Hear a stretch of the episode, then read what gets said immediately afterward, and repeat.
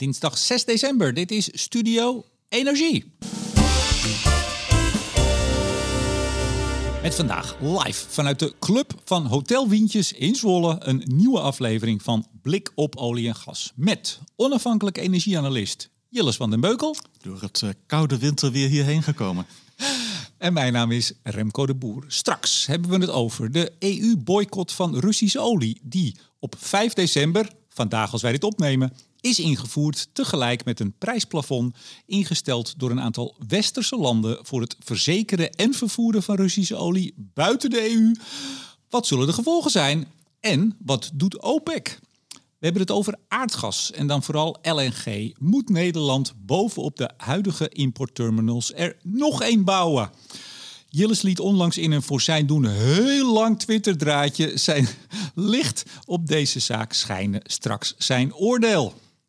En als we meer LNG-importcapaciteit hebben, niet heel onbelangrijk, waar halen we dan de LNG vandaan? Hoe lang vindt Nederland het dragen van een One Love armband door een lid van het kabinet in Qatar, als er überhaupt een lid van het kabinet naar Qatar mag? Of toch een speldje, want eenvoudig met een sjaal te bedekken zodra er een vertegenwoordiger van de regering van Qatar in de buurt is, belangrijker dan het importeren van voldoende aardgas. En als Qatar nog steeds lange termijn contracten met Nederland zou willen afsluiten, welke bedrijven zouden in ons land dat dan eigenlijk kunnen en willen doen? Verder kijken we terug op het tijdperk van Burden bij Shell en reflecteren we, jawel Jillis, wij gaan reflecteren op de uitspraak van de rechter in de zaak van de kolencentrales tegen de Nederlandse staat. Maar nu eerst, Jillis, spreek jij een beetje Kazaks? Uh, ik spreek alleen een beetje Russisch. Daarmee houdt het op. Ja, uh, ik begrijp inmiddels ook dat, uh, dat men in Kazachstan vooral Russisch spreekt. en jij denkt misschien, waarom vraag je dat, Remco? We не говорите по-русски, Remco. ja, daar zit ik alweer. Hè. Afgelopen vrijdag uh, leidde ik een uh, ronde tafel in Den Haag, uh, georganiseerd door de ambassade van Kazachstan. Een ronde tafel over energie en energietransitie tussen Nederland en Kazachstan. vertegenwoordigers van bedrijven, overheid. Ik zat naast een buitengewoon emabele ambassadeur, oud-minister van Kazachstan. Ontzettend leuke middag gehad, kan ik je vast vertellen.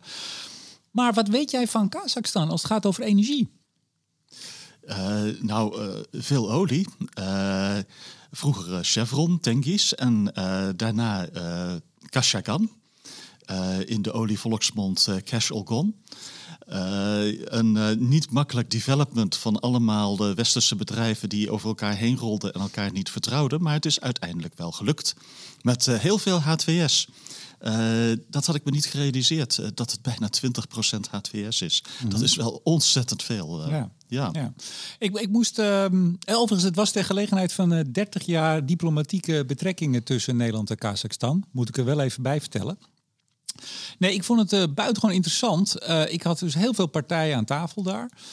nogmaals bedrijven, nou, allerlei soorten. En ja, er gaan dagen voorbij dat ik niet uh, lees over Kazachstan. Uh, en dat doe je dan toch.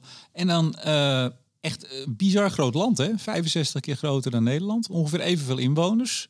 drijven vooral op olie en gas, inderdaad. Hadden het erg moeilijk als voormalig Sovjet-republiek in 91, toen ze zelfstandig werden. Nou, een paar grote olie- en gasfondsen, die ken jij vast. Drie grote velden hebben ze. Ja, uh, Tengiz. Ja. Uh, Kashagan. Uh, Karakchanak of zoiets uh, in mijn herinnering. Oh, wat ben je... Ah, nee, je, je, je hebt, klopt, daar zit ik een beetje in de richting. Ja, nee, want jij bent toch zo goed. Uh, want ik, ik heb dat natuurlijk even opgezocht. Maar, um, en het, het, het bijzondere is, ja, ze hebben een net zero uh, ambitie voor 2060. Nou, volgens mij is dat net als in China zijn de grootste olieproducenten in, dat, in, de, in die Centraal-Aziatische regio. Ja, maar wat een ligging hè? tussen twee grootmachten ja. in, tussen Rusland en uh, China in. Doet je denken aan Polen, hè? wat altijd tussen Duitsland en uh, Rusland in lag. Niet de makkelijkste positie om in te verkeren. Absoluut. En uh, de president was nog onlangs bij Poetin vorige week. En nou, het, het botert allemaal niet, niet heel sterk uh, en erg. We gaan het er straks over hebben als we het over de olieboycott hebben. Want Kazachstan speelt hier ook een rol. Uh, toevallig. want Poetin zou zomaar eens de, de oliepijpleiding die het Kazakse, de Kazakse olie vervoert, kunnen afsluiten. Maar er is ook een heel groot land, relatief heel weinig mensen. En ze willen ook in de vaart der volkeren opstuwen op eh, wind- en zongebied. En groene waterstof. Wist jij dat? Eh, Wie niet? Wie wil er niet in groene waterstof, eh, Remco?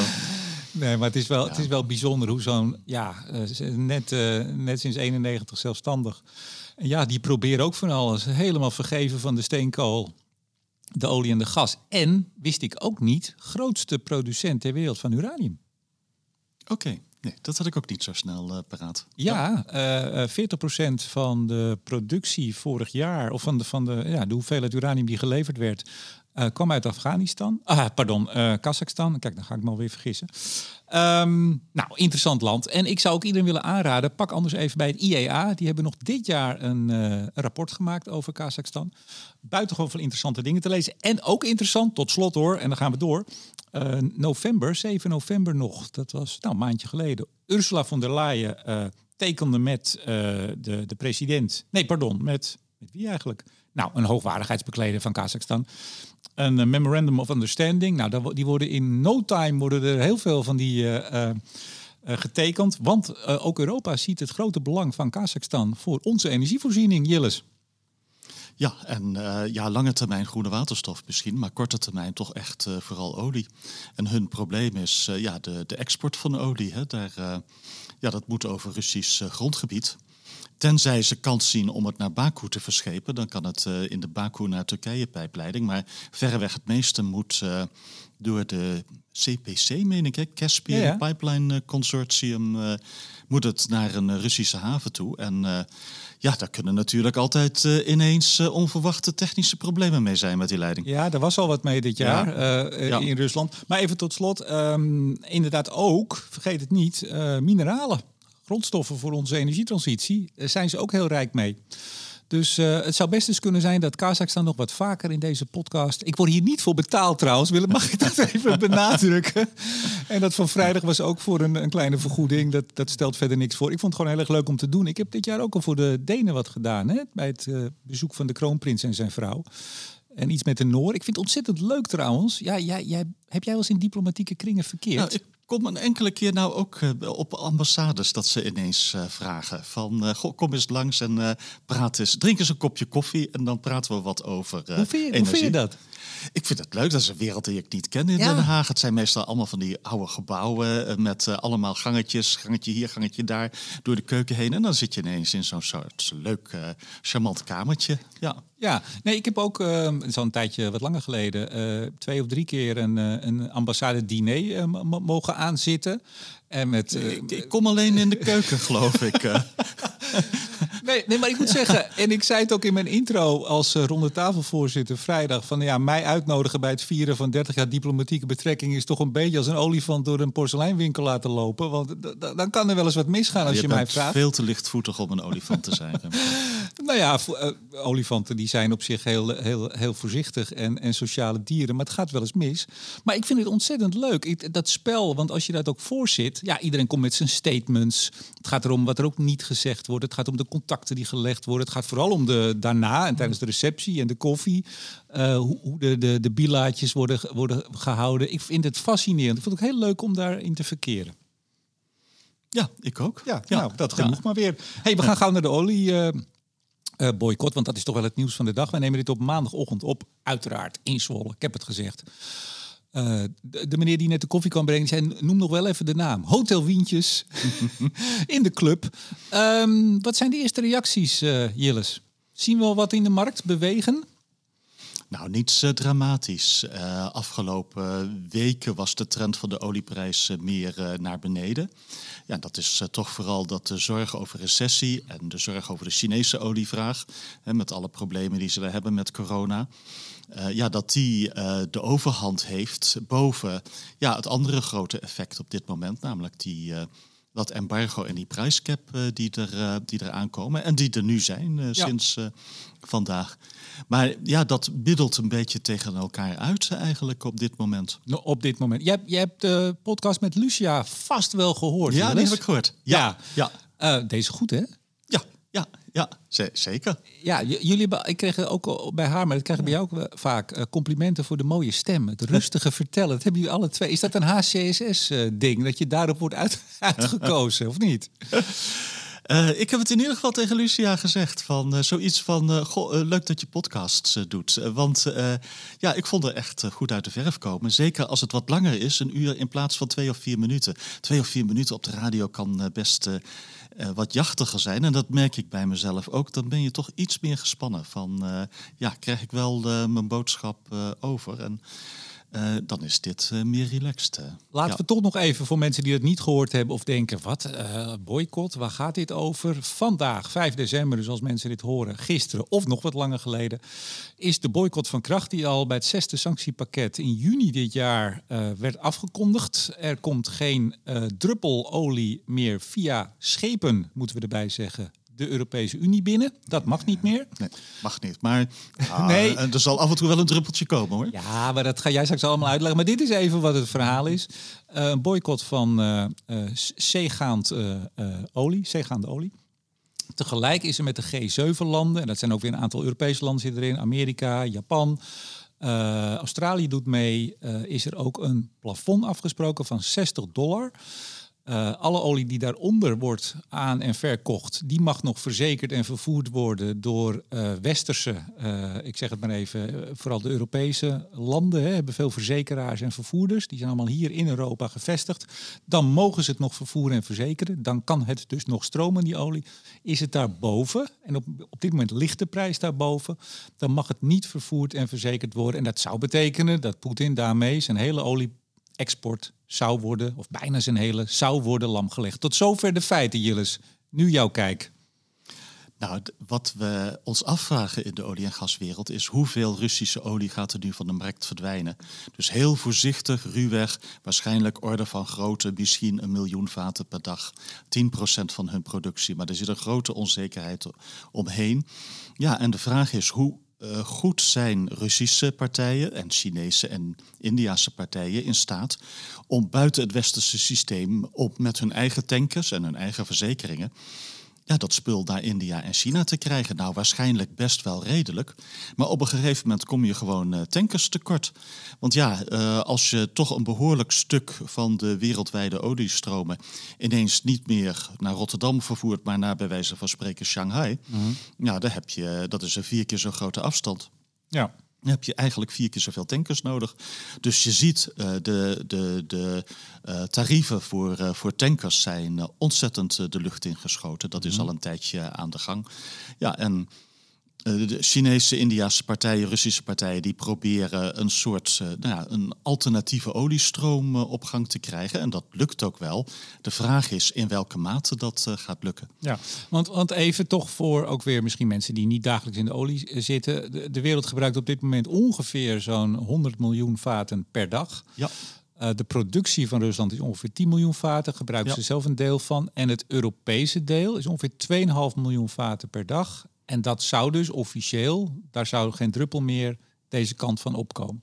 Klopt. En, een, een, en dan nog een stukje olieproducten, maar dat speelt ja, later. Dat komt in 5 februari, dan is er ook een boycott voor alle olieproducten. Maar het, het bedoel, een miljoen vaten meer of minder, als die ineens uh, weg zouden vallen, zou dat een enorme impact hebben op de olieprijs. Dat zou een behoorlijke impact hebben. En dat heeft het waarschijnlijk ook wel. Alleen, uh, ja, dat wordt uh, gecompenseerd uh, door nou, die angst voor een recessie. Mm -hmm. en de problemen met de olievraag in China. als, die, als, als, dat Russische, als dat embargo op Russische olie en die price cap er nu niet zouden zijn, dan zou je in een wereld met toch angst, serieuze angst voor een recessie eerder op 60 of 65 dollar voor Brent zitten dan op de 85 waar je nu op zit. Ja, en dan moeten we ook even uitleggen dat de Russische olie, dat heet Oerals. En dat de gaat. Meeste. Het meeste dan, dat gaat al voor een veel lager prijs. Er zit altijd, of altijd, de laatste tijd, niet altijd, vroeger niet, zo'n 20 dollar verschil tussen. Dus zitten we hier in de 80, zitten ze daar in de 60. Ja, ik, heb, uh, ik, ik, keek even net en ik zag de Brent op 85, 86 staan en de Oerals op 62, 63, uh, zoiets. Ja, en dus letterlijk nu uh, mag dat niet voor 2,63 dollar uh, met een uh, westerse, bijvoorbeeld Lloyds in, in Groot-Brittannië. Die mag nu een lading voor 2,63 dollar vandaag niet verzekeren. En, en een Griekse reder mag dat voor 63 dollar niet vervoeren. Dat is wat het nu is. Klopt dat mag maximaal 60 eh, zijn. Uh, al zal dat voor een verzekeringsmaatschappij en een, uh, een Griekse reder, ja, die hebben normaal geen idee wat de prijs is van de olie die ze vervoeren. Dus die zetten gewoon een kleine clausule in een contract die er sowieso al in staat. Namelijk, als deze olie gesanctioneerd is, dan is het niet meer verzekerd. Ja. En niet ons probleem. Nee, maar, maar stel dus, uh, en dan degene die dat wil laten vervoeren en verzekeren, die zegt nee hoor, het is uh, eh, 59,5 dollar, geen probleem. Maar stiekem is het toch 63. Dat ziet die reder niet. Dat ziet die reder uh, niet, uh, die handelaar wel. Ja, dan ligt uh, die reder en die verzekeringsmaatschappij, ja, die komen daar toch vanaf met die clausule die er ook nu al in staat hoor. Van gesanctioneerde olie is niet verzekerd. Maar dan, dan, dan, zou het in principe toch niks aan de hand zijn? Want dan zeg je gewoon, nee hoor, het is... Nee, maar, maar handelaren die gaan zich wel degelijk daar wat van aantrekken. Uh, ik bedoel, de Shells en de Glencores van deze wereld, die nemen dit soort sancties uh, serieus. Ik denk wel dat je zult zien dat die stroom olie naar China en India, uh, dat zijn wel echt dan, nou ja, de oudere Chinese tankers, oh, die oudere tankers die nu door China worden opgekocht, waar dat voor een groot deel mee gaat. Ja. Alleen het wordt zo krap dat er wel wat Russische olie gaat wegvallen. Ja. En dat is eigenlijk de grote vraag op dit moment. Hoeveel gaat er wegvallen? Ja. En dat weet bijvoorbeeld, uh, nou, dat weten wij niet, dat weten de handelaren niet. Die proberen dat naarstig in te schatten. Uh, en OPEC weet dat eigenlijk ook niet zo goed, dus doen ze voorlopig maar even niks. Nee, die kwamen zondag bij elkaar en inderdaad, die, die doen niks. En ik las een van de, van de berichten erover van de, dat ze ook een soort spectators zijn. Ze kijken toe wat er gaat gebeuren. En ze kunnen natuurlijk heel snel ingrijpen als ze dat willen. Ze kunnen heel snel de productie verlagen. Ja, dat, dat, dat wordt interessant. We zitten allemaal toch eh, rondom dat toneel in een cirkeltje opgesteld. Want ja, ook dit prijscap, ja, die moet je eigenlijk steeds gaan bijstellen. Als je wilt dat het, nou zeg 5% of 10%, zoiets hoor je, onder de marktprijs voor Oerals ligt. Nou ja, dan, dan moet je vaak aan de knop draaien om dat een beetje eh, bij te houden. Uh, ja, wat ook speelt, uh, ja, we kijken naar Oerals, maar er zijn natuurlijk ook wel meer Russische soorten olies. de ESPO uit mijn hoofd, wat naar Oost-Siberië gaat, uh, dat soort olie. Ja, die kan normaal best een heel andere prijs hebben dan die, uh, dan die Oerals. Ja. Uh, nou, nou was er flinke verdeeldheid binnen de EU. Tussen bijvoorbeeld, nou ja, dat is dan geen EU-land, maar tussen Oekraïne en, en bijvoorbeeld Polen en, en andere landen. Nee, dat moet veel lager, want dit raakt Poetin eigenlijk gewoon niet. En je zou kunnen zeggen, als het nu voor 63 dollar gaat of 64 en het wordt 60, 18 paar dollar, doet het pijn ik denk wel dat Poetin dit heel vervelend vindt. Al was het alleen maar dat er hier een instrumentarium wordt opgetuigd dat hem pijn kan doen. Ja, en verder voor, voor met name Amerika, ja, die zit hier achter de schermen echt aan de knoppen hoor, laten we wel zijn. Maar die, die waren ervoor dat het juist niet te laag nee, Die hebben op die 60 zitten drukken. Die willen uh, echt van, uh, nou, het moet Poetin pijn doen, maar het mag ons zelf in de westerse wereld niet al te veel pijn doen. Dus uh, ja, die, die zeggen gewoon van uh, het, wordt, uh, het wordt 60. En uh, ja, landen als Polen en de Baltische Staten kunnen hoog of laag springen. Maar als Amerika en naar mijn inschatting ook wel Duitsland zeggen van nou, wij, gaan dit, wij gaan daar niet al te hard in dan uh, is dat wat er uitkomt. Maar dus aan de ene kant wil je uh, Poetin, het Russische regime, keihard raken. Want daar gaat het om. Hè? Dat hebben we eigenlijk nog niet eens verteld. Maar het gaat erom dat ze minder inkomsten hebben om de oorlog te kunnen voeren. Ja, maar je wilt om te beginnen wel zorgen dat je zelf niet keihard geraakt wordt. En daar zijn de Amerikanen toch echt wel mee bezig. Van het laatste wat die willen is dat er echt een uh, groter tekort komt. Stel dat er 2 miljoen vaten per dag Russische olie uh, verdwijnt. Nou, dat is wel heel veel. Dan mhm. gaat die prijs wel weer serieus omhoog. Uh, tegen de trend van dalende olieprijs door recessie heen. Nou, dat is echt niet wat ze willen. Ik zag ook een van de doelen, dat zei ook weer Ursula von der Leyen. Een van de doelen was ook om de, de, de, de olieprijs te stabiliseren. Toen dacht ik, volgens mij gaat hier iets niet goed. Want ja, dan wordt het een soort OPEC. Uh, die zegt dat ook uh, van uh, wij willen stabiliseren. Ja, nee. nee maar dit is toch in potentie, want er zijn heel Dit gaat er niet om om de olieprijs te stabiliseren. Nee, maar... Dit gaat erom om Rusland pijn te doen. ja. Nee, ja, dat, dat ook. Er zat drie, drie redenen. Um, Uh, maar dat soort teksten, ja, ik wil niet steeds mevrouw von der Leyen, want dat is natuurlijk de Europese Commissie, maar dat soort teksten, want in potentie, en jij hebt ook alle stukken gelezen, jij tipte mij nog uh, de Financial Times, een long read hè, over dit, uh, mm -hmm. deze zaak. In potentie kan dit, en daar komen we zo op, wat gaat Poetin doen, kan dit een enorme enorm effect hebben op de olieprijs wereldwijd. Voor langere tijd kan een, een flink deel van de westerse wereld in, in diepe crisis storten, in potentie. Ja, en eh, het is nu toch ook echt afwachten hoe gaat Poetin eh, reageren. Eh, kijk, bij gas heeft hij de tijdlijn bepaald, heeft hij aan de knoppen gedraaid. Dat kan hij bij olie ook gaan doen. Hij heeft wel een dilemma daarbij van ja, olie is zijn grote verdienmodel, veel meer dan gas. Hij kan bijvoorbeeld zeggen van nou ja, de Druspa-leiding is nu nog niet included in de, in de sancties. dan ga ik juist die Druspa-leiding uh, dichtdraaien. dat is voor Oost- en Centraal-Europese partijen lastiger. Want voor hun is het moeilijker om andere olie te krijgen dan, wanneer je in Rotterdam zit. Ja. Het dilemma voor Poetin is, dan raakt hij zijn, ja, ik wil niet zeggen vriend Orbán, maar toch goede buur uh, Orbán in Hongarije. Uh, ja, dat, uh, dat is afwachten wat er verder Ja, Orbán, dat zei ik ook tegen Lucia toen in de. Hè, ik bedoel, Orbán kan weer heel veel druk zetten in, uh, in Brussel. Ja, dus en dat heeft hij ook gedaan. Hè? Die uitzondering op de Druspa-olie, uh, ja, dat is toch uh, wel uh, voor een behoorlijk deel Orbán en Hongarije. Niet alleen hoor, er zijn ook andere partijen daar die toch liever zien dat de, de olie door de leiding voorlopig niet naar beneden gaat. Nee, want ook naar Duitsland en Polen, die, die, die hebben gezegd dat zij eigenlijk een soort vrijwillig geen pijp pijpleiding olie meer zouden gaan accepteren.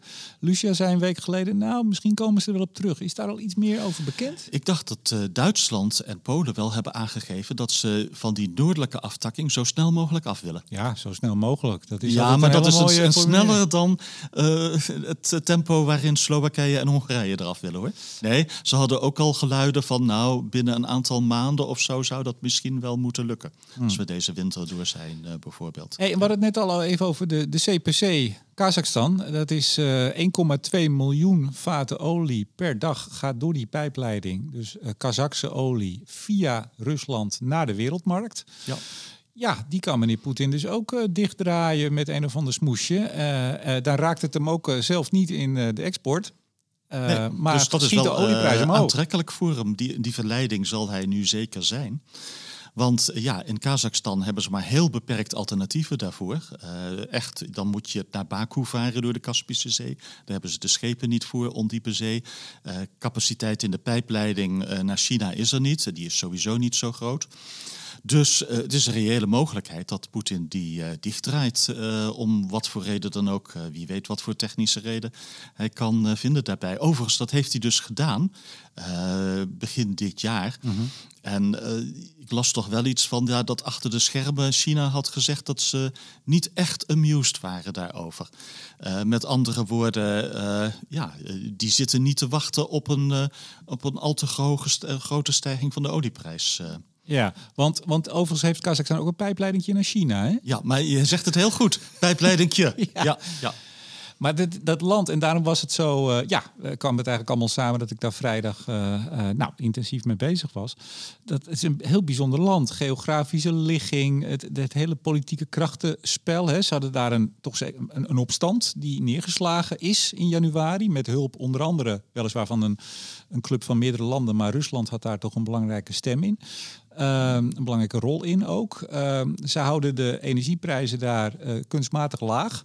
Wat ook weer tot gevolg heeft dat er veel illegale olie-export is. Uh, waardoor er soms een tekort in eigen land hm. dreigt. Het is een, een vat vol tegenstrijdigheden. Ja, wel. Ja. Ja, ja, maar ze hebben ja, toch een president die veel verder van Poetin afstaat, uh, Tokayev, dan de, dan de vorige uh, president. En, en, afstand neemt steeds meer. Hij zoekt echt de grens op hij kan dat ook doen. Hè? Van, uh, ik weet niet of het Tokayev was of iemand anders van die staans... die gewoon uh, een paar maanden geleden Poetin uh, in, in de wachtruimte ook ja. dat liet doen... waarvoor wachtruimtes bedoeld waren, ja. namelijk wachten. ja, dat was toch echt slikken voor... Maar goed, als, als Poetin morgen de, de, de CPC-pijpleiding dichtgooit... om wat voor reden dan ook... dan scheelt dat Kazachstan een enorme klap in zijn staatsinkomsten. Daar hebben ze heel veel pijn van. Ja, Ja, en, en uh, ja, dan is het toch, uh, ben ik benieuwd of achter de schermen dan uh, China een signaal gaat geven aan Poetin van dat vinden we toch niet leuk. Ja, die, die long read die jij mij, mij stuurde, Financial Times, The Week That Could Unravel the Global Oil Market. Ze weten wel altijd goede koppen te, te verzinnen daar.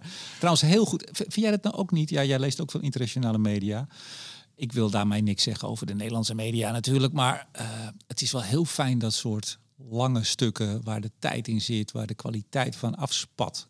Van dat soort analyses in, nou ja, New York Times, Financial Times, Washington Post, dat soort kranten.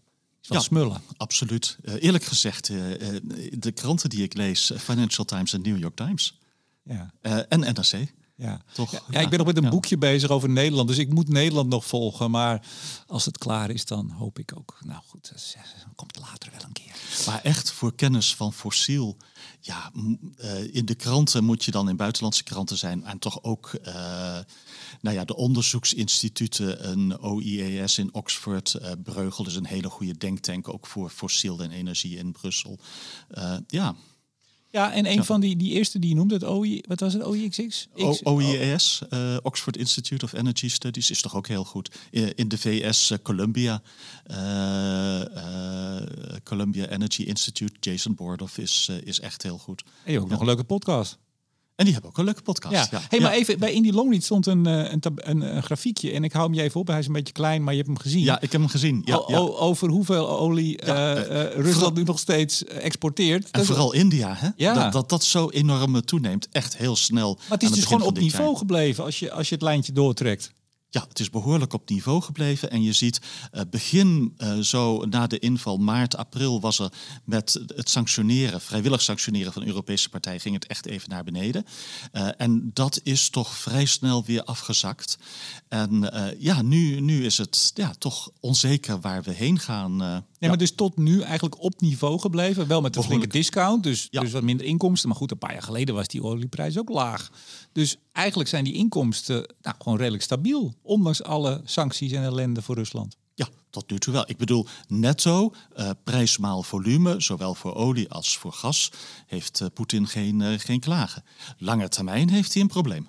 Wanneer denk je, tot slot over de, de olie en over meneer Poetin, wanneer denk je dat de, de oilbom, had, had Lucia het over, althans in een column van, van Thomas Friedman in de New York Times, dus dat hij echt een maand, twee maanden gewoon de olie pijplijn dichtdraait, de olie-export dichtdraait, om gewoon het Westen ongelooflijk veel pijn te doen. Verwacht jij dat ook?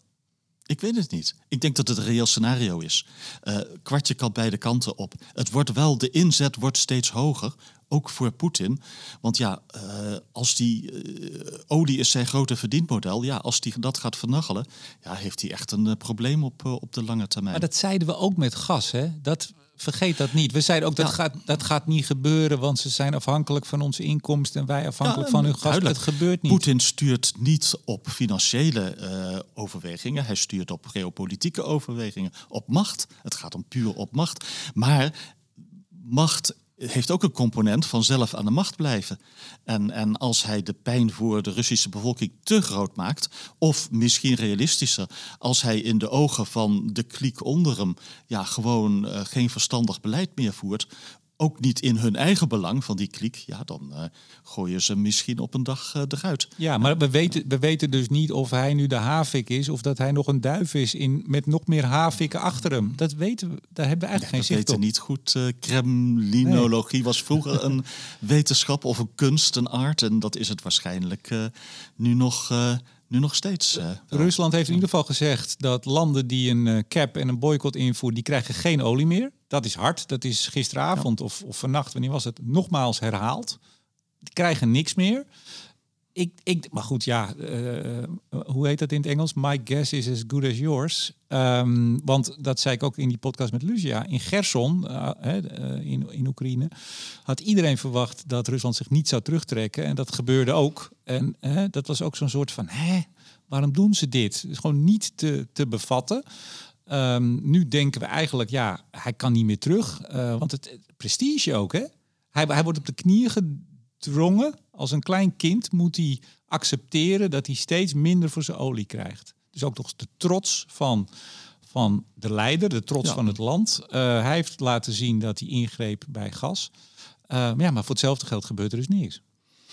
Nee, en hij heeft wel een probleem, want dit is niet goed voor zijn image. Eh, ook wat er in olie gebeurt, maar ook in het algemeen dat het niet goed gaat met die oorlog, dat ze moeten terugtrekken. Eh, ja, gezichtsverlies is niet iets wat eh, dictators graag zien, want En dat leidt hij nu. zij, zij, ja, dat leed hij absoluut. En dat is de vraag voor het Westen: van laat je hem op een gegeven moment ergens mee wegkomen? Of buit je dat ten volle uit? Hoe ver ga je door? Hoe ver gaat een, een Oekraïne door met eh, land eh, terugveroveren? Weet je wat? Ik zeg gewoon, hij, eh, hij gaat die oliebom in wat voor vorm dan ook laten vallen. En dan zeg jij gewoon nee. Dan zeg ik van nee, en we hebben geen van beide. Het is gewoon, het, het muntje is nu aan het draaien. Het is wel spannend en, en hoor. wij gaan kijken waar het uitkomt. Het is echt spannend. Wij leven in ongewone tijden. Geopolitiek, klimaat. Ja, Ja, en wat, wat, Ja. Ook, wat ook heel ongewoon was, en mensen die je op Twitter volgen, die weten dat. Een draadje van 21 tweets, Jilles. Wat was wat, ik heb wel eens langere gemaakt. Oh ja, toch wel? Ja, oh, die zie ik dan waarschijnlijk niet meer. Oh. Nee, maar niet Had je, had je aandacht tekort? Nee, maar weet je, ik, ik heb een presentatie over de gasmarkt op dit moment. Die geef ik ook eh, regelmatig. Eh, overheid, universiteit, eh, bedrijven en zo. En ik dacht van nou, ik wil er een paar dingen uitlichten uit die presentatie... om ja, toch een beetje het verhaal van gas te vertellen. En met name ook van, ja, hoe staat het er nu bij en waar moeten we heen? Hè? Want eh, nou ja, er spelen dingen mee als een Eemshaven-terminal. is ongelooflijk goed dat die er nu staat. Echte prestatie van GasUnie. Wil je er nog een tweede of misschien wel een derde bij zetten in, eh, in Nederland? En dat is minder eh, een slam dunk om dat eh, uit, eh, uit te maken. Ik denk wel eh, ja, dat het niet zo'n gek idee zou zijn. LNG redt ons toch een beetje op dit moment. Dit is wel een hele korte analyse. Moet het, ja, ik denk het wel. Vertel, waar, waarom Jilles? Waarom zouden we dat moeten doen? Nou, wat je nu ziet is dat het wegvallen van eh, Russisch gas hebben we in twee fases opgevangen. En de eerste fase was qua prijs de minder pijnlijke fase. Dat was eh, begin dit jaar, eerste helft dit jaar. eh, en eind vorig jaar ook gewoon heel veel LNG binnenhalen. En mijn inschatting is dat je toch behoorlijk al het LNG kunt krijgen in Europa wat je kunt verwerken bij een prijs van 50 tot 100 euro per megawattuur. En dat is een stuk lager dan dat die nu ligt. En ehm, ja, wat we nu zagen, eh, zo eh, tweede kwartaal dit jaar, begon ons LNG-importsysteem vol te lopen. En dat zijn niet eens noodzakelijkerwijs de optelsom van wat alle terminals aan kunnen. Maar dat is de combinaties van wat kunnen de terminals aan, maar ook wat kan er doorgevoerd worden naar het achterland. Hè, van al die terminals in Engeland en Spanje zijn maar van heel beperkte waarde. Eh, zolang je dat gas niet door kunt voeren ja, naar, ja, vooral naar Duitsland eigenlijk. Hè. We hadden het oude adagium van er komt heel veel gas uit Rusland. En het nieuwe samenvatting in één eh, zinnetje is er moet heel veel gas naar Duitsland. Ja, en om dat voor elkaar te krijgen op LNG-gebied, ja, heb je toch heel veel meer LNG eh, nodig. En nou ja, dat was de eerste fase. De tweede fase is de pijnlijke fase, die we ook deze zomer zagen en nu nog steeds. Er moet ook heel veel vraagvermindering komen. En aan die vraagvermindering zit een, een positieve kant. Mensen worden eindelijk serieus met de energietransitie. Maar er zit ook een hele negatieve kant aan. Er verdwijnt gewoon industrie uit Europa. Eh, petrochemie, kunstmest, eh, staal, aluminium. Nou, dat, dat heeft een, een- in deze wereld een donkere toekomst eh, in Europa. En niet te vergeten dat mijn vrouw en ik het ontzettend koud hadden dit weekend. Wij wonen op, eh op eh, zeven hoog, op, aan driezijdig uitzicht, op hoeken dus. Je zit met op een, de bovenste verdieping. Ja, met een koude oostenwind. Ja, maar dat soort de- appartementen worden nu minder waard, hè? Ja, zeker. Je, je wilt in het midden zitten, liefst zonder een enkel raampje gewoon. En de, en de thermostaat dan wel op 19. eh, maar ja, je moet ook nog wel eens een ventilatieroostertje openhouden voor het frisse lucht. Het is echt koud. Maar goed, dat is privéleed. En het mini-leed te ver- vergelijken met het echte serieuze leed. Het is een klein, klein grapje, mag ik wel eh, doen, hè? Ehm, sorry, ik onderbrak je. Ja, waar was het? Sorry nu ben ik voor één keer mijn draad kwijt. Oh, dat is mijn schuld. Vreselijk. Ja, Nou, maar de, vraagvermindering, de, de, de industrie. vraagvermindering, daar zit ook een minder, ja, dus de vraag destructie. En eigenlijk wil je toch wel weer zo snel mogelijk terug zien te komen eh, naar eh, een regime waarin LNG de marginale kuub extra gas levert die nodig is om zonder Russisch gas te kunnen. Uh, wat met een stuk lagere prijzen gepaard kan gaan. Of dat nou 50, 75 of 100 euro per megawattuur is, is een, uh, een ander verhaal. Maar daar in dat domein weer, weer terugkomen. Ja, en om daar terug te komen heb je gewoon meer LNG-importcapaciteit nodig. Met name in Noordwest-Europa, in Nederland en in, uh, in Duitsland. Vandaar mijn inschatting van ja, het is ook nu nog steeds zinvol om meer LNG-importcapaciteit ook in Nederland uh, voor elkaar te krijgen. Nou, gasunie kennende zijn ze daar echt wel naar aan het kijken. Dat denk ik ook. Ja, en misschien niet alleen gasunie. Wie dan nog meer? Ik weet het niet. Nee, je, lijkt, iets, je ik, lijkt eens op de hinten. Nee, nee ik, ik, ik, heb rond, rond horen zoomen dat er nog een andere partij is. Uh, die ook aan het kijken is naar een uh, nieuwe LNG-terminal. Uh, ik heb gehoord dat er wordt gekeken naar Terneuzen, maar misschien ook een andere plek.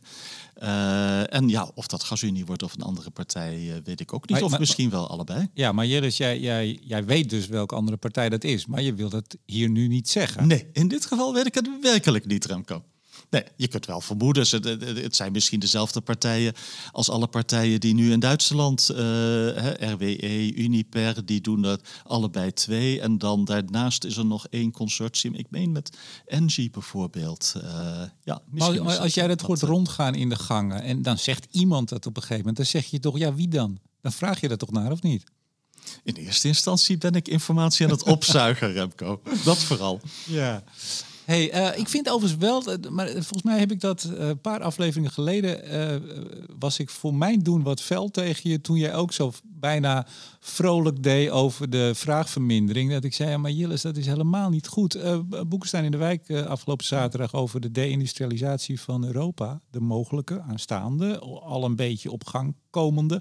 Ik vind nog altijd, ik wil het toch even één keer nog gezegd hebben, dat we er toch te makkelijk over praten over die vraagvermindering? Want het betekent nogal wat, hè? Ja, want er zit ook een element van vraagdestructie bij en ja. industrie die verdwijnt. En ja, dat hebben we nou ja, in de fossiele wereld al lang gezien dat we niet meer welkom waren. En ja, ik denk bepaalde industrieën zijn in ieder geval bij sommige Nederlanders en sommige partijen niet meer, uh, niet meer welkom. En dat vind ik echt. Uh, jammer. En ik denk ook dat het niet goed is uh, voor, voor Nederland. Hè? Als je uh, vergelijkt de VS nu, uh, die zijn ook serieus bezig met uh, klimaatverandering en dat tegen te gaan met hun Inflation Reduction Act. Mm -hmm. Maar ja, die kunnen dat veel makkelijker financieren ook door hun grote fossiele inkomsten, door het feit dat maakindustrie daar niet wegloopt met hun energieprijzen, dan eh, in Europa, waar wij nu echt ontzettend veel geld kwijt zijn. En echt, het is geld wat uit Europa wegstroomt. Ja. Eh, als je de handelsbalans van de hele EU ziet, dan, eh, dan loopt die steeds positief. En ineens stok begin dit jaar naar heel erg negatief. Ja, maar en ja, dat is, uh, dat is het probleem. Wij zijn nu heel veel geld kwijt aan het steunen van, uh, van, van consumenten en niet aan meer zinvolle lange termijn doelen. En uh, Macron die was bij Biden. Nou, ze waren dikke vrienden natuurlijk. Uh, hè, steun, steunpilaren van onze westerse democratie. Maar Macron was daar wel om echt uh, te klagen over die Inflation Reduction Act. Ja, er wordt ineens heel veel geklaagd vanuit de EU. Ik hoorde van der Leyen daar ook over. Nou ja, omdat, ze nu, ja. omdat ze nu zien dat, dat kijk, we, we leggen het op een gegeven moment gewoon af. En als onze energieprijs hier gewoon vier, vijf, zes keer hoger blijft dan in de VS, ja. dan, dan, dat, dat is het fundamentele probleem. En dat er nog wat subsidie, wij kunnen wat subsidie gaan doen en dan zijn nog wat subsidie. En, maar die energieprijs, dat is toch echt de basis als we het over industrie en deindustrialisatie hebben. Als die zo hoog is als hier, kan je kan je het verschudden. Ja, in, in de woorden van, uh, van Henry toch ook van... Uh, ja, Henry wie? Henry. Wij houden het gewoon op Henry. Henry de Eerste, wat mij betreft. Henry de Eerste van het CDA in de Tweede Kamer. Henry de Eerste van het CDA. Mm -hmm. Van, uh, ja, wij hebben de, in de periode 2014-2020 uh, de bal gedropt op zijn Engels. Uh, als het ging om betaalbaarheid en robuustheid en, van ons energiesysteem toch wel. Ja, en dan hebben we dus, nou, dan zijn we het cirkeltje weer rond met Kazachstan, met uh, de zeldzame aardmetalen en de grondstoffen, ja. waar we dus ook een probleem hebben. Wat, vooral ja. Rusland en China.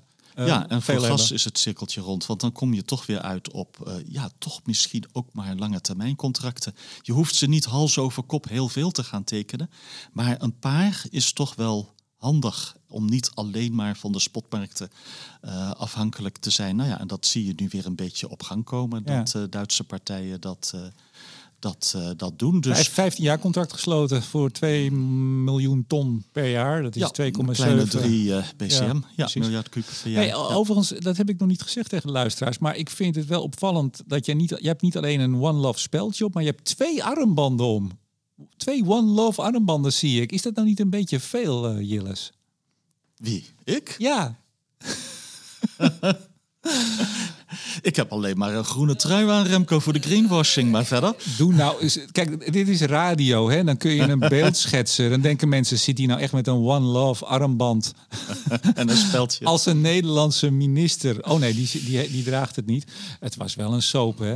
Uh, Ja, dat is wel heel erg Nederlands om zo lang door te praten over een, eh, een speldje. Maar het is wel- ja. maar het is dat heel- krijg je ook in het buitenland niet. Althans, in Amerika kreeg ik dat nooit uitgelegd. Nee, maar het, kijk, het bijzondere was dat de Duitsers, eh, die, daar zat de minister dus met zo'n band om. En, en een paar dagen later of een week later werd die deal gesloten. Die was Ja. natuurlijk al lang. eh, dus die, die doen het beide. Maar je ziet bij ons, en daarom, dit is natuurlijk de link. Ik kan mij die armband schelen. Ik bedoel, de rechten gaan mij aan het hart, maar die armband en al het geneuzel eromheen. Maar, maar je ziet, en we hebben een motie gehad in de Kamer, geen lange termijn contracten. Flink aantal partijen zat erachter, nog geen meerderheid. Maar we hebben dus misschien, nou ja, jij zegt meer LNG-importcapaciteit nodig. We hebben dus op een gegeven moment ook meer LNG nodig. Dat wordt alleen met lange termijn contracten gegeven, want je moet er een installatie Oh, als je bouwen. genoeg betaalt, Ja. komt het... Komt, nee, maar ik snap tuurlijk. het. Ja. Maar als je dat enigszins eh, eh, reëel wil doen, ook qua prijs, dan sluit je een contract voor 15. China had er een voor 25 jaar, dacht ik, met Ja. Qatar afgesloten.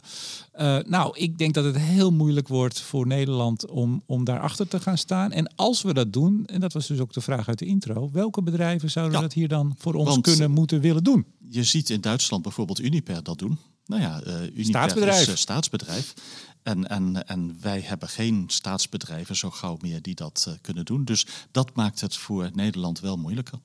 Maar ik bedoel, Uniper, jij, jij hoort in de wandelgangen dat er misschien een andere partij dan GasUnie een LNG-importterminal wil doen. Dan heb je het over RWE, Uniper bijvoorbeeld. Die zou dat in Nederland ook kunnen doen? Lang, Ja. Langjarig contract sluiten? Ja, en waarom niet? Ja, Nou, omdat er ook een, eh, een rechtszaak, eh, een vonnis is geweest. Daar komen we meteen zo op. ja. Nee, maar in hoeverre willen grote bedrijven nog in Nederland eh, eigenlijk staatsbelangen behartigen, eh, eh, uitvoeren wat de staat zegt te willen op dit moment en daar misschien over drie, vier, vijf jaar weer vanaf wil? Alleen als er goed verdiend kan worden en als de risico's kunnen worden afgedekt. En ja, dat is wel. Dit, dit soort dingen, energie, eh, betaalbaarheid, leveringszekerheid, is, is zo belangrijk dat je niet. eh, marktwerking is prachtig, maar op deze markten moet je misschien toch een zekere overheidsinvloed hebben. Hè, En wat dat betreft, ja, de oude rol van Gasterra was misschien zo gek nog niet. Zonder dat je nou weer naar de oude gasgebouwwereld helemaal teruggaat, is, is eh, een zekere overheidsingrijpen zo gek niet. En laten we wel zijn, we hebben dat gezien met de gasopslagen. Check. We hebben dat gezien met Eemshaven, de eerste terminal. Hè. Dat is toch echt wel gebeurd met de steun van EZK. Check. Eh, mogelijk gaan, en misschien ook wel waarschijnlijk hoor, gaan we dat zien met eh, lange termijn contracten. Hopelijk check in de toekomst. De vierde straightforward component, ja, die gaat er waarschijnlijk niet komen. Welke? Groningen, Nee, daar gaan we het ook niet meer over hebben. precies. Nee, dat wordt zo Buiten de beleidsrealiteit, hè?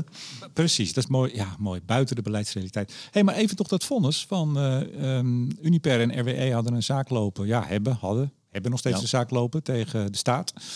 Eh, hun, eh, zij mogen niet meer op kolen draaien vanaf 2030, bij wet geregeld. Dat vinden ze veel te snel. RWE noemde dat toen het besluit viel onteigening, een vorm van onteigening. Nou, Uniper eh, blaast inmiddels iets eh, minder hoog van de toren. Op verzoek van hun nieuwe bazen. Op een verzoek Dat van de Duitse overheid. Ja, precies. Uh, maar even het, het principiële punt dat uh, uh, de Nederlandse overheid vroeg begin deze eeuw uh, met minister Brinkhorst als uh, woordvoerder toen van Economische Zaken. Dat je een podcast mee zeker, over dat onderwerp. Ja, absoluut. Was een interessant en, en Ja. leuk gesprek bij hem op zijn werkkamer. Was, was ook de sfeer eromheen was heel bijzonder. Um, maar ik zal er ook in mijn boek volgend jaar veel aandacht aan besteden.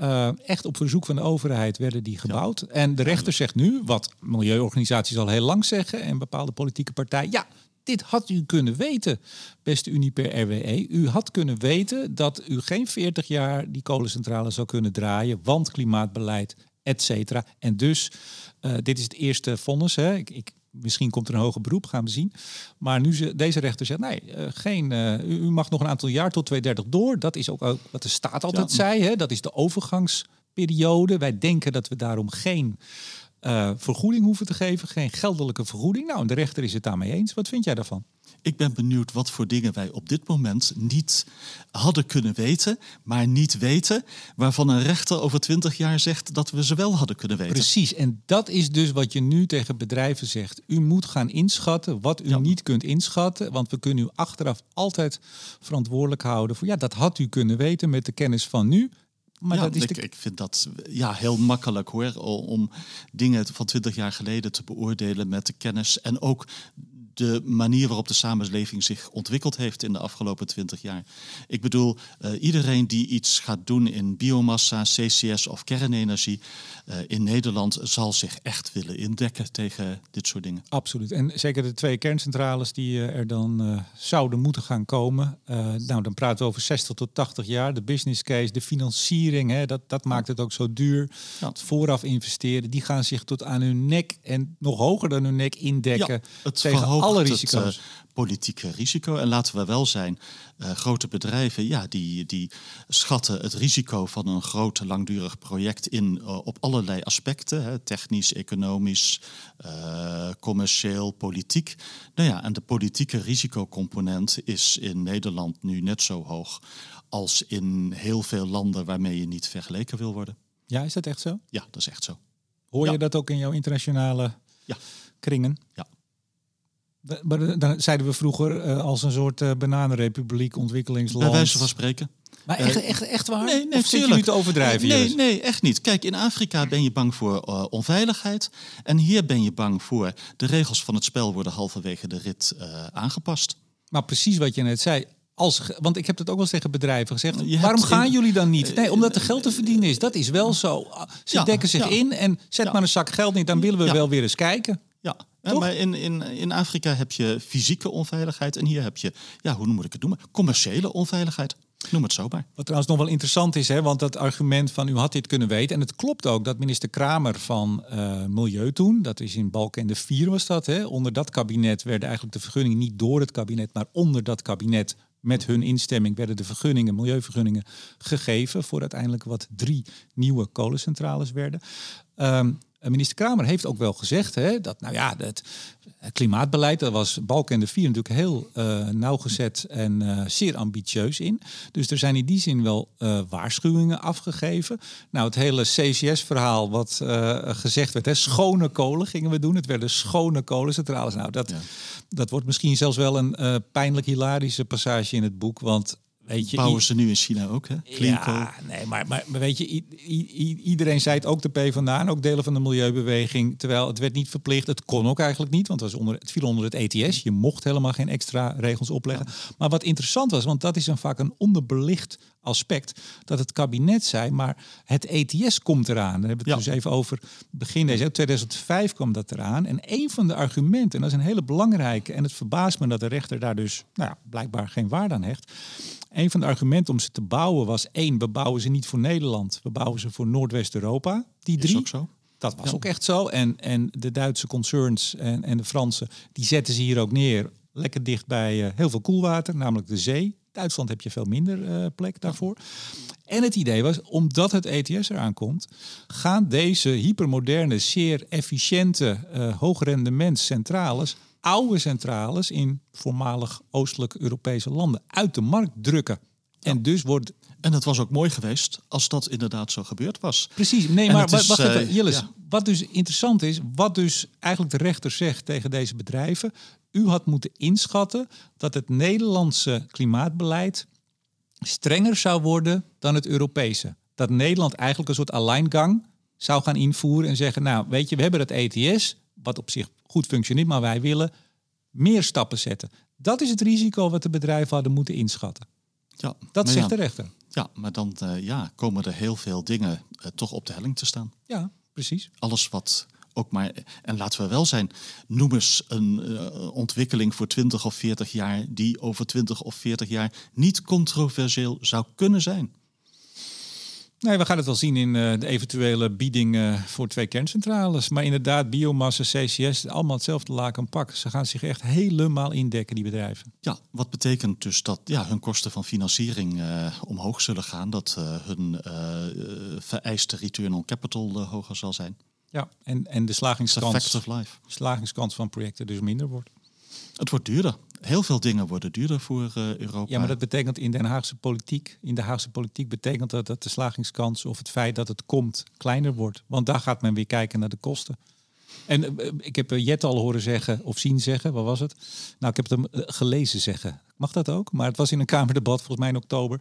Ja, moest tot, tot iedere prijs voorkomen dat er allemaal wijzigingen doorgevoerd zouden worden in de kerncentrale ontwerpen. Want dan werd het duur zie jij de Nederlandse politiek niet meesturen aan, aan het hele proces van de wijzigingen van kerncentrales? Je uh, hart een beetje vast voor uh, kerncentrales. Hè. Uh, links gaat rechts beschuldigen van het is een vertragingstactiek voor de energietransitie. En rechts gaat links beschuldigen van jullie gaan op allerlei manieren kerncentrales zo moeilijk maken, regelgeving, maar ook financieringskosten met dit soort dingen.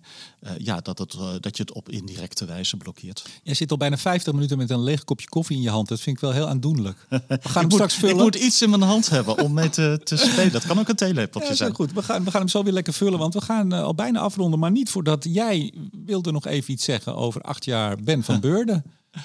Oh, eh, ja, ik, eh, ik, nou ja, ik realiseerde me van, uh, goh, hij gaat weg toch in januari. En uh, acht jaar voor het in der tijd grootste Nederlandse bedrijf, nu niet meer, is toch een hele tijd mm -hmm. geweest waarin heel veel gebeurd is. En, nou ja, en ik werd ook, ik moet erbij zeggen, ik kwam er ook een beetje op. Ik werd gevraagd op een gegeven moment afgelopen weken door journalisten die een beetje verhalen aan het voorbereiden zijn hierover. Van ja, hoe kijk je daar nou op terug op die, op die acht jaar? Ja. Nou, hoe kijk je erop terug?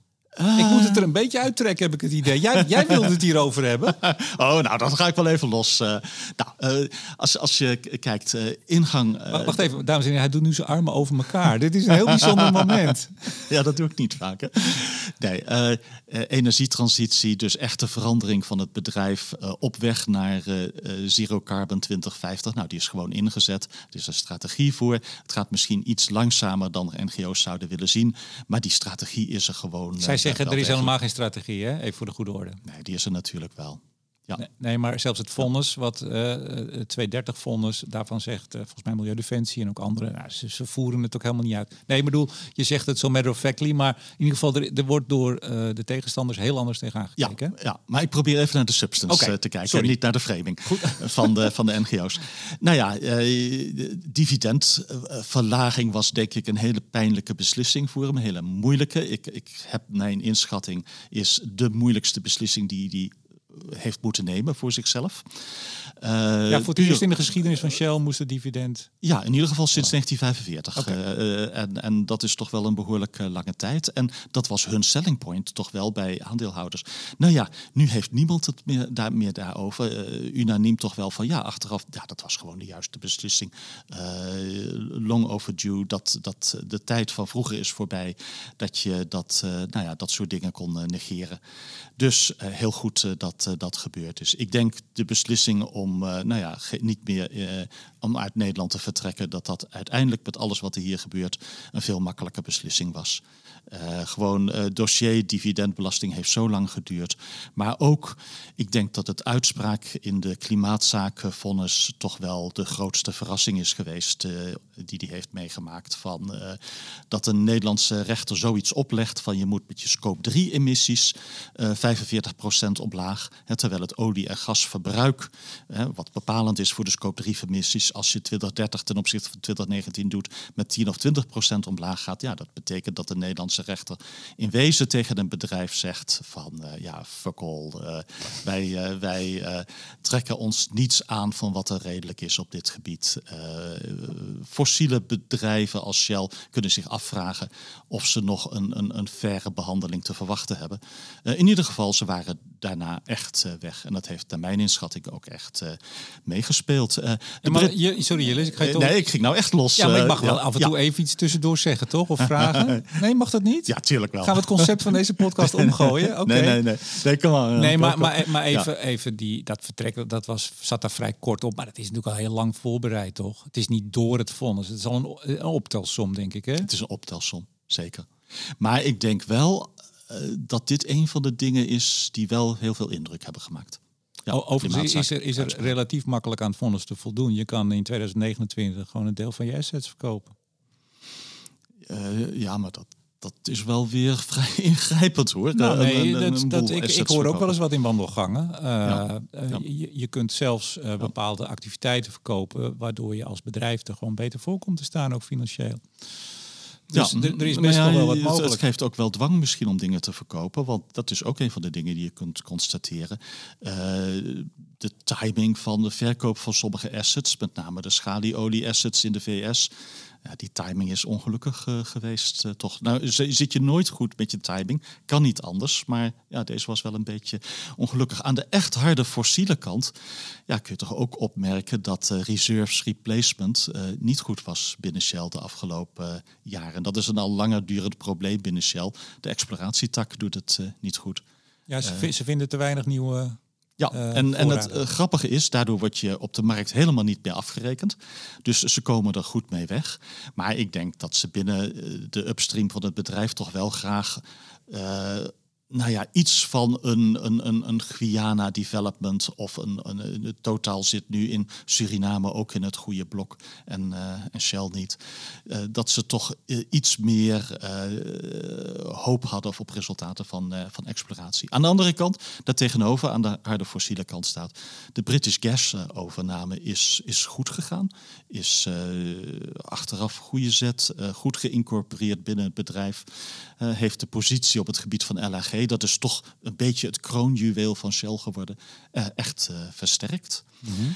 Maar ja, uh, je kunt met alle waardering die daarvoor van Beurde is en die ik ook heb, ook wel constateren, ja, het was meer een downstream dan een upstream man. En zijn ja, enthousiasme voor de trading, uh, ja, die, die heb ik toch wat, wat minder. En je zag toch ook afgelopen kwartaal, er is heel weinig aandacht aan besteed, want het was weer een record kwartaalwinst. Maar uh, daar hadden ze toch een lelijke uitgeleider gemaakt met de gastreding. Uh, ja. ja, nou ik, ik zeg nog even dat ik hem twee keer te gast heb mogen hebben. En ja. het is misschien leuk om, één interview was in 2018 al, ik geloof het zevende interview van Studio Energie. Nog net aan het prille begin. Als ik die wel eens terugluister, vooral de intro, dan praat ik een beetje monotoon.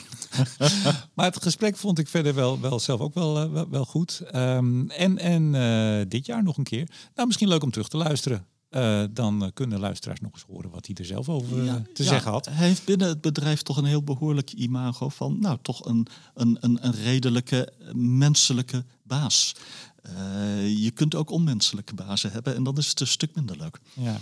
Zijn opvolger, daar hebben we het een, een paar podcasts geleden over gehad. Meneer uh, Wal Sawan. Ja. Uh, toen heb je ook al iets gezegd uh, over uh, deze meneer. Maar nu toch even tot slot. we zitten bijna het eind van het jaar. bijna 1 januari. Wat gaat er gebeuren? De glazen bol. Nou, net als uh, olieprijzen hoor. Uh, weet ik ook niet. Maar je zou je kunnen voorstellen, wat doen nieuwe bazen in hun wittebroodseperiode van 100 dagen? Ja, dan proberen ze toch hun stempel erop te drukken. Dus misschien komt er toch wel een soort van rationalisering en kostkutting en meer focus op bepaalde dingen fase aan in het eerste gedeelte van uh, zijn, zijn, zijn tijdperk. Maar hij wordt gezien als een nou, hardwerkende, heel intelligente no-nonsense figuur. Hm.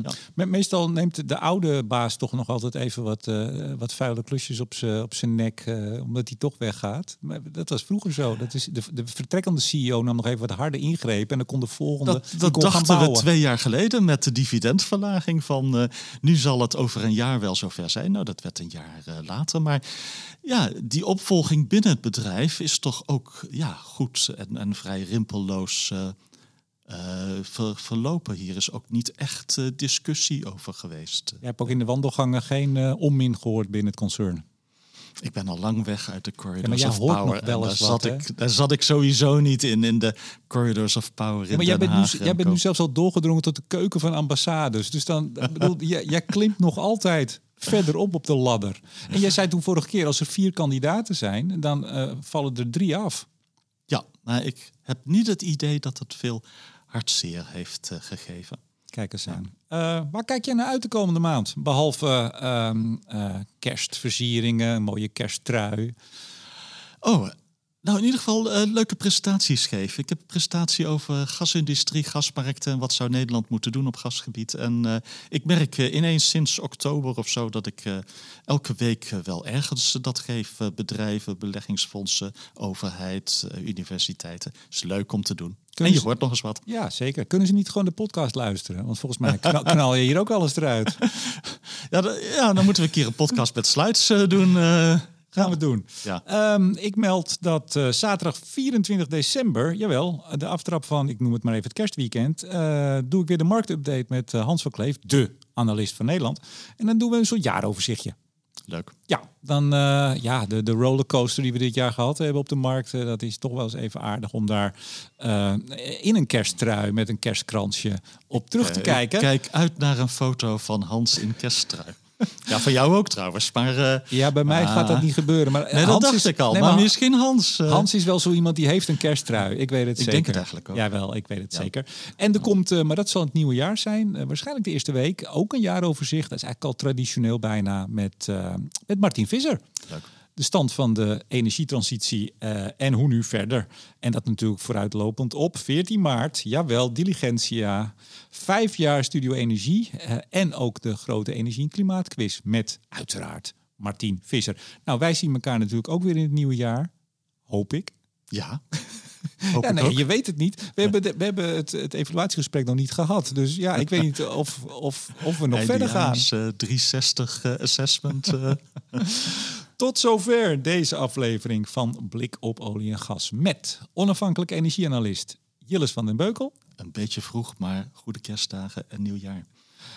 Ook namens mij. En mijn naam is Remco de Boer. Graag tot de volgende keer.